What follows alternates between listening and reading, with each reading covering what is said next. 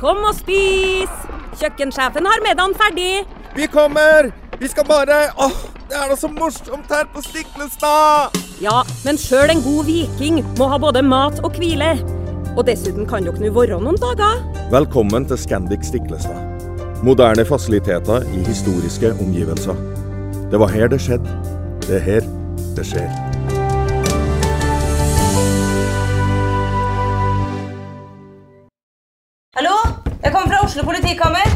Ine Jansen er purk. Er du purk? The motherfucking bitch. Alt jeg vil, er å finne ut hva som skjedde med mannen min. Jon Carew. Er jeg sikta for noe? Iben Akeli. Det er du. Ole So, Lars Berrum og Big Daddy Karsten. Hvem sin side er du på, egentlig? Anette Hoff, Tone Danielsen, Kommer du fra Afrika?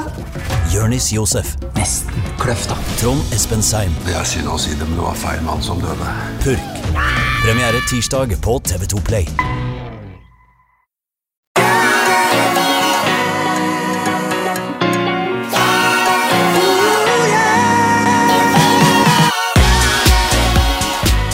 Velkommen til podkasten Hjernesterk.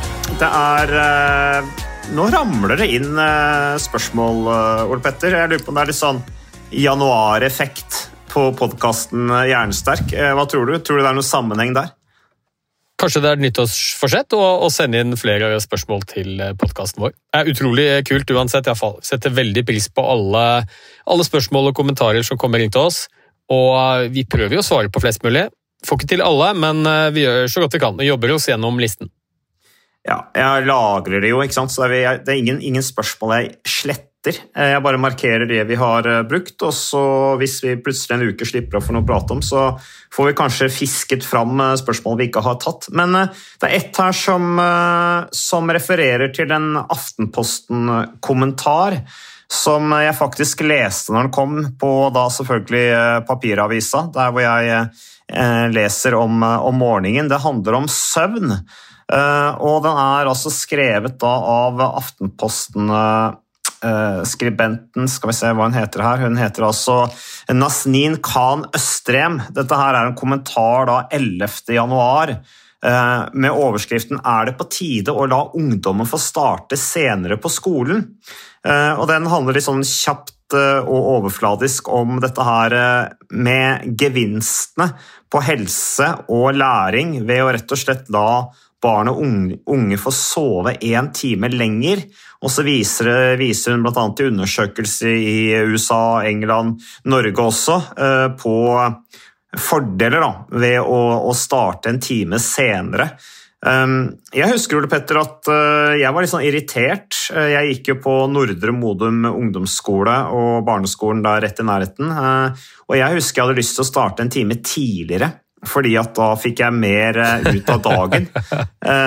Og da husker jeg en av lærerne når jeg nevnte det, kan vi ikke starte en time tidligere, for da får jeg bedre tid på ettermiddagen, så ble læreren litt irritert, husker jeg. Men hva tenker du om dette med læring og søvn og, og, det å få sove en time tidligere, er det, er det noe verre nå enn det var før, eller har det alltid vært sånn, eller hva tenker du? Nei, det har nok alltid vært sånn. Vi vet uh, ganske godt at den biologiske døgnrytmen vår, uh, og for barn da, spesielt, den er ikke helt Den kolliderer litt med den sosiale døgnrytmen, dvs. Si hvordan vi har strukturert samfunnet når det er forventet at barnet skal stå opp når de skal legge seg der krasjer biologien og samfunnet, fordi vi vet veldig godt at døgnrytmen til, til barn og unge den er litt lengre enn voksnes. Og Det betyr i praksis at barn og unge de sliter litt med å legge seg tidlig på kvelden. Alle som har små barn og ungdommer vet jo det.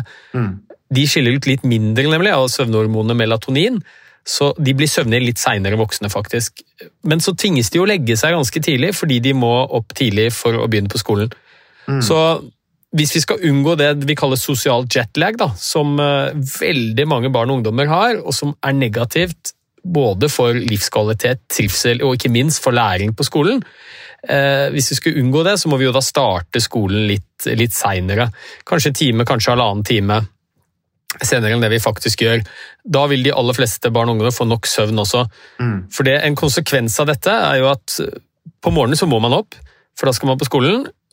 På kvelden er det vanskelig å sovne når man bør, noe som gjør at de aller fleste barn og ungdommer får kanskje en time, halvannen time mindre søvn enn det de egentlig trenger, eh, med alle de negative konsekvensene som følger i kjølvannet av det. Så, og alle forsøk som er gjort med skoler hvor man har startet skoledagen litt seinere, en time, kanskje halvannen time senere, eh, de, de, viser veldig positive resultater. Både på trivsel, klasse altså Hvordan eh, bråk, støy i klasserommet, og ikke minst læring. Og også fysisk og mental helse hos elevene.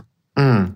Men uh, her er det vel også sant, her er det store forskjeller på de uh, elevene som har ganske lang vei til og fra skolen, vil jeg tro. De som må ta buss, bli kjørt, hva det måtte være. Og de som f.eks. kan sykle, gå, uh, sånne ting til og med. For de får jo i hvert fall da den fysiske aktiviteten sånn at de våkner litt da, før timen starter. Det må være en utrolig fordel for de som kan da bruke kroppen som transportmiddel og, og bli vekt opp litt sånn fysisk da, på den måten. Ja, Det ene er jo selvfølgelig at hvis du bor veldig langt unna. Jeg har en datter som uh, begynte på ungdomsskole, og der er det jo, hun bor en kilometer unna.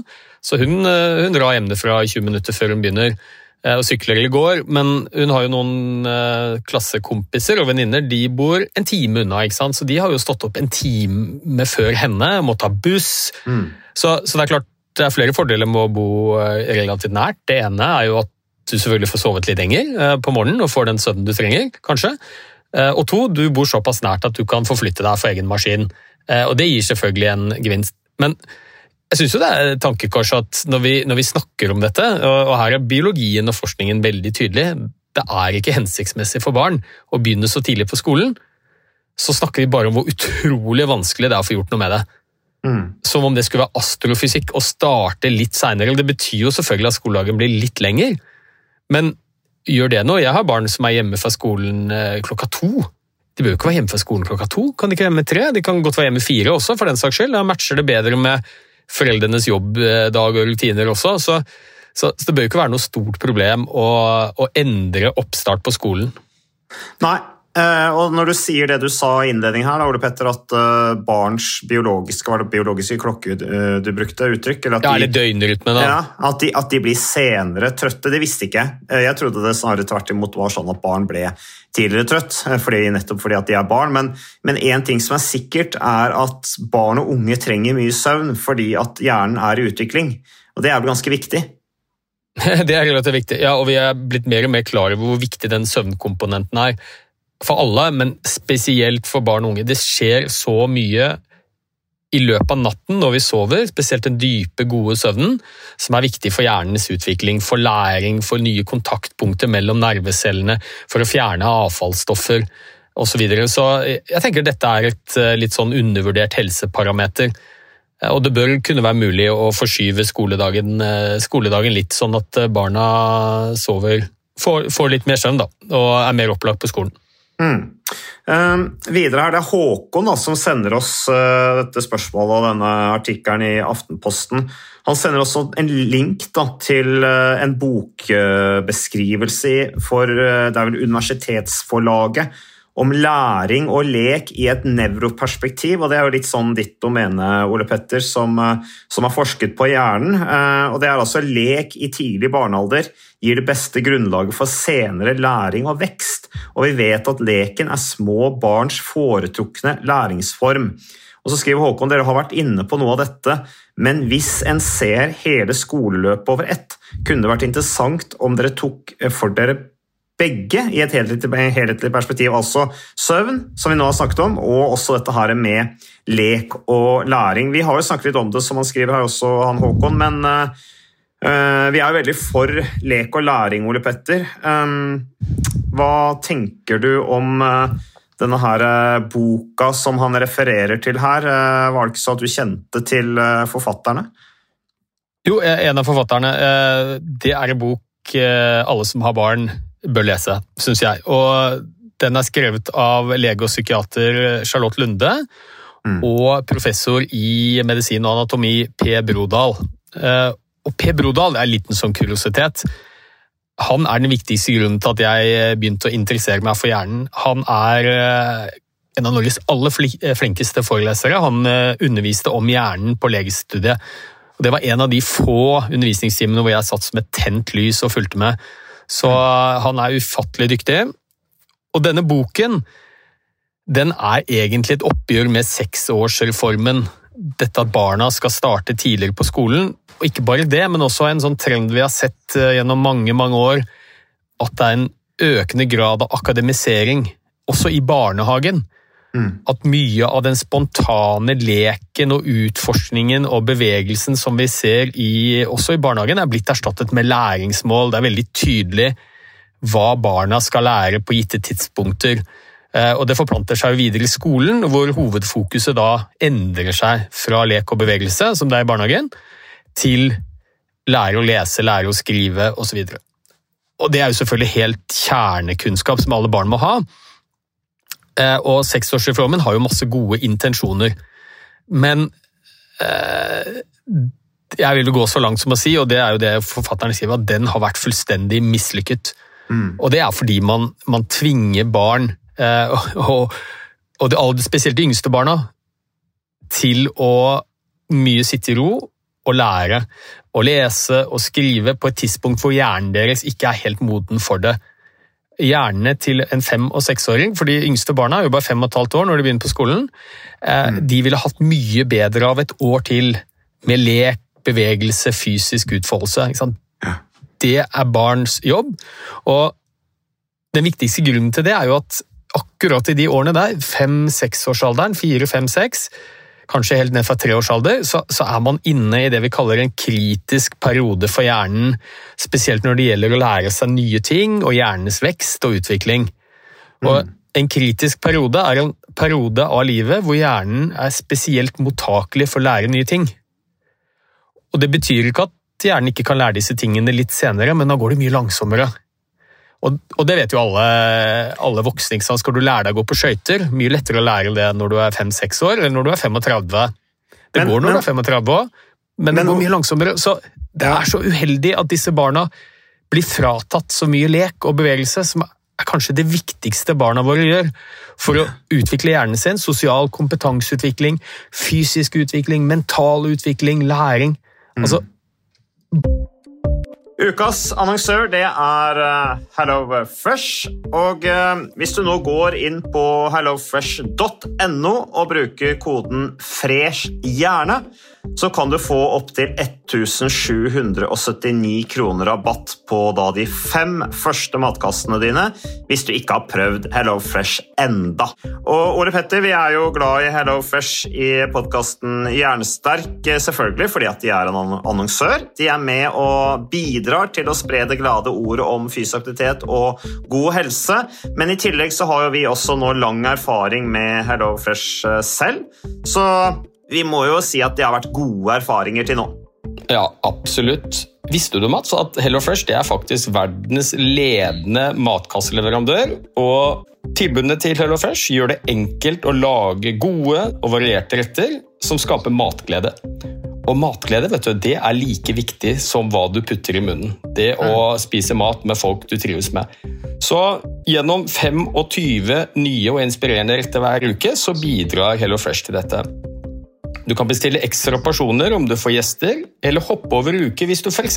skal bort. Mm. Og Det er ingen bindingstid, og du velger leveringstidspunkt og dag selv, så leverer Hello Fresh matkassen din akkurat når det passer deg.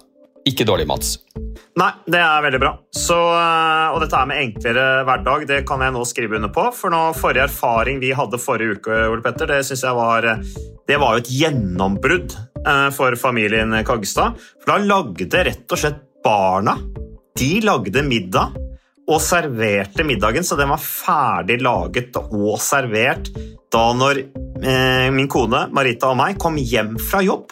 Og jeg mener Det var jo bare helt utrolig. Eh, det var helt fantastisk. Det ble en nydelig middag. Riktignok de, de, de, de roter og søler litt, det gjør de. Så, men, men, maten ble veldig god. De var veldig stolte over å kunne ha både laget og servert maten, så det var helt fantastisk. Så vi har jo da i det siste så har vi eh, spist eh, bl.a.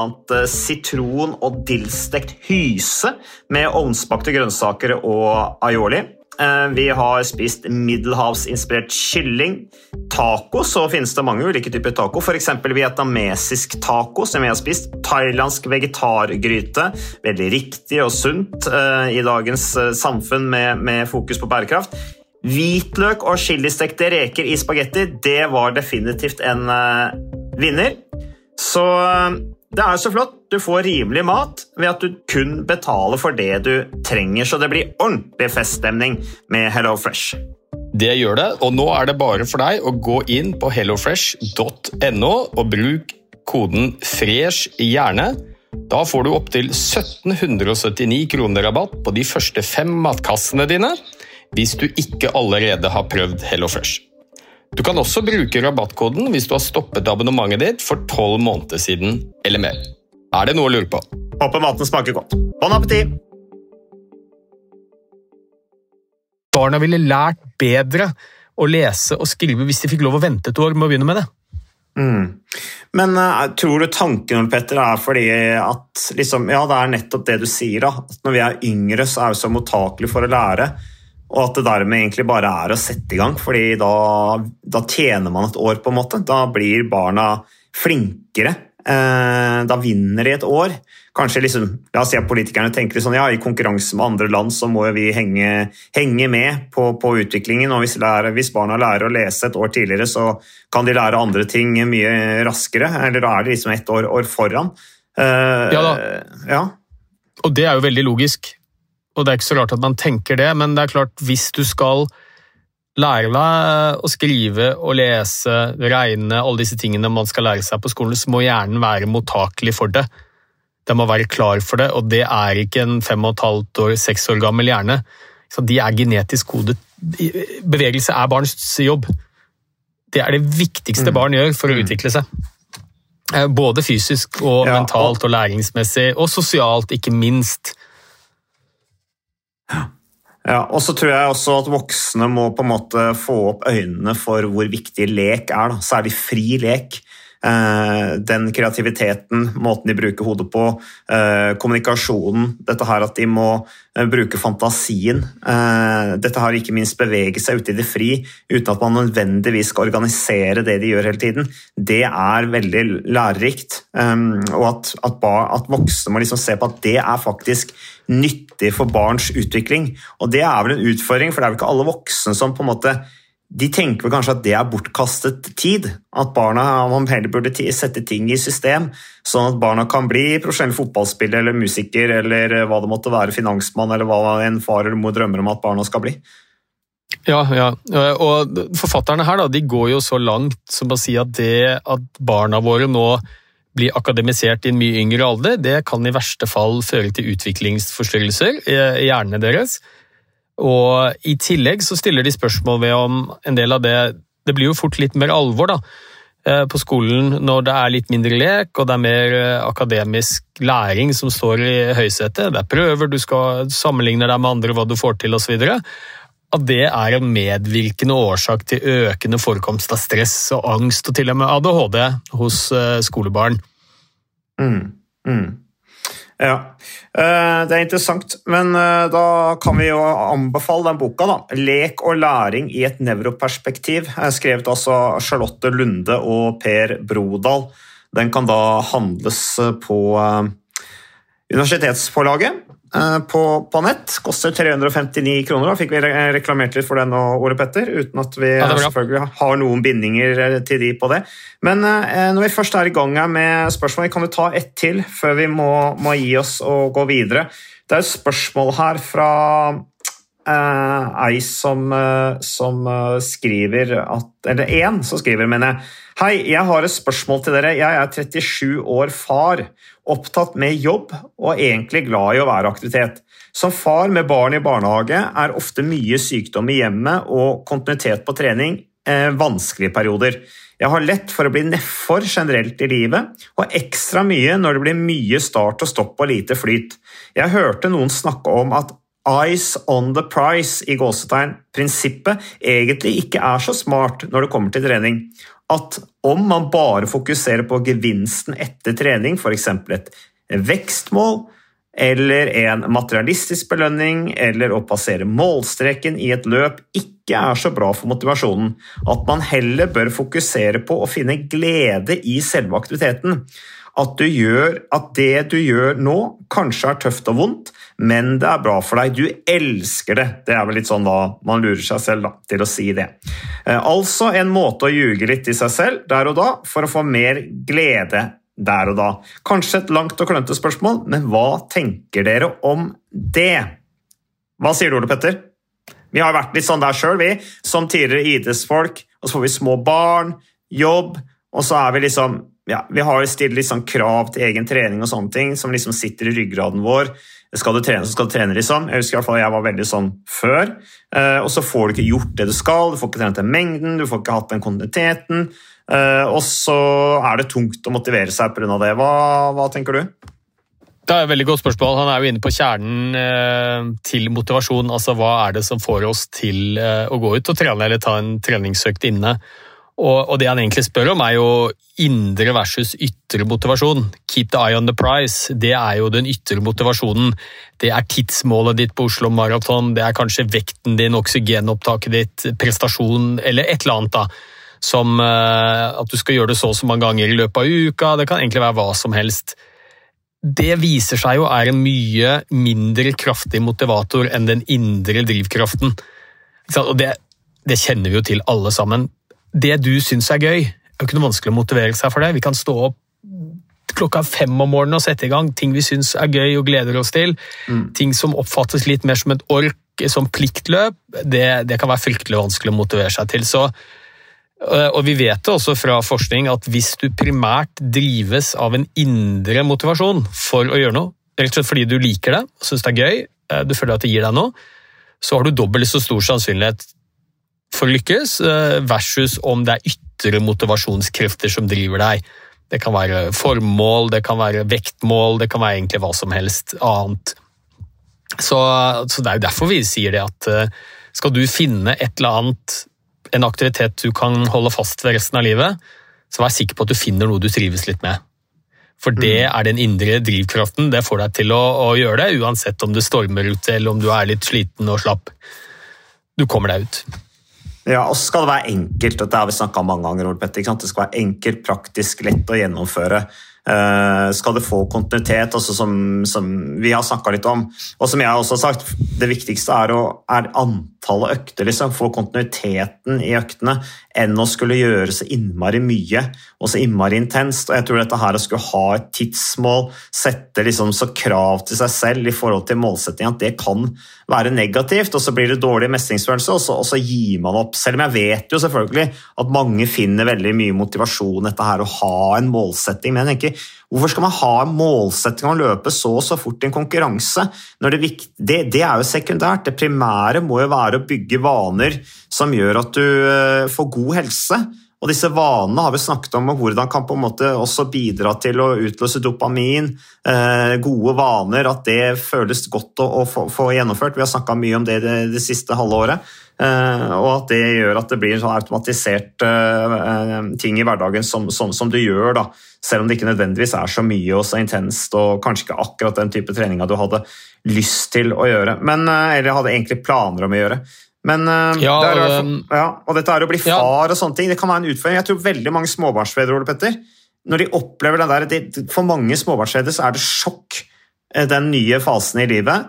Dette er at de ikke har den friheten til å gjøre akkurat hva de vil. De må spille med på lag hjemme i familien og sånne ting. Uh, og det, det der, der, tror jeg mange da gir opp og så, og, så, og så, blir formen elendig da, pga. at de, de, havner i en helt naturlig situasjon i livet, nemlig å, å formere seg og få familie. Ja, og det er jo kanskje spesielt i de fasene av livet hvor det kan være litt vanskelig å få gjennomført eh, en del aktiviteter da, som man tidligere har fått gjennomført med enkelhet før man fikk barn. Og, ja, det kan være trening, kan være andre ting også, men da er det jo spesielt kanskje viktig å ha den indre motivasjonen. Og jeg mener jo selvfølgelig ikke at man ikke skal bry seg om ytre motivasjon, for det kan være kjempeeffektivt, det òg. Og blir du motivert av oksygenopptaket ditt, eller pulsen, eller hvor langt du har løpt, eller hvor fort du har løpt Helt supert. Fantastisk. Det er helt nydelig. Eller vektnedgang, mm. eller blodtrykksnedgang, eller hva det nå måtte være for noe. Så er det helt supert, men det er veldig fint å ha en indre motivasjon i tillegg. Og gjerne begge deler.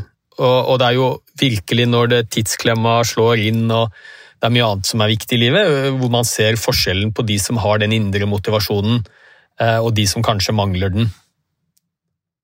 Mm. Mm.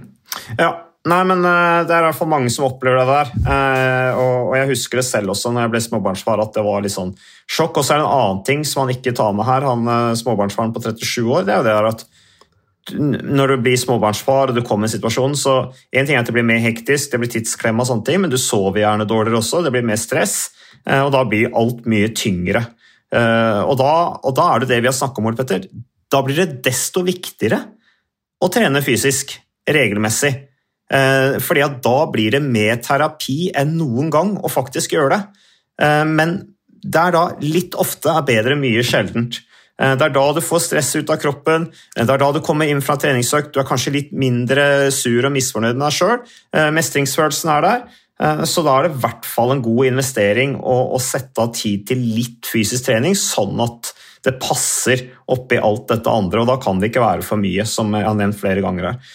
Så da fikk vi snakket om det. Eh, jeg tror vi skal gi oss der, Ole Petter. Så fordi at nå du skal hjem og lage middag, og jeg skal av gårde på spinning-team med datarespons, eh, som jeg har jobba med siden 2007.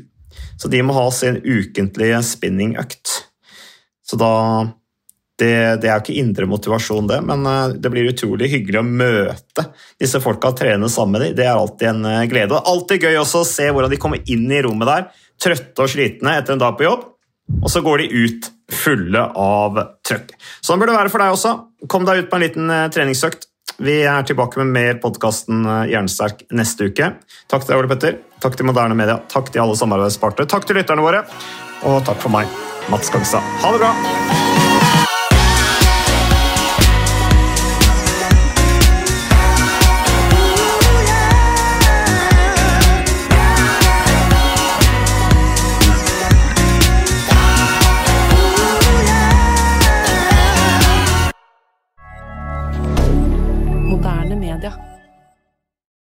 Har du et enkeltpersonforetak eller en liten bedrift? Da er du sikkert lei av å høre meg snakke om hvor enkelt det er med kvitteringer og bilag i fiken, så vi eh, gir oss her, vi.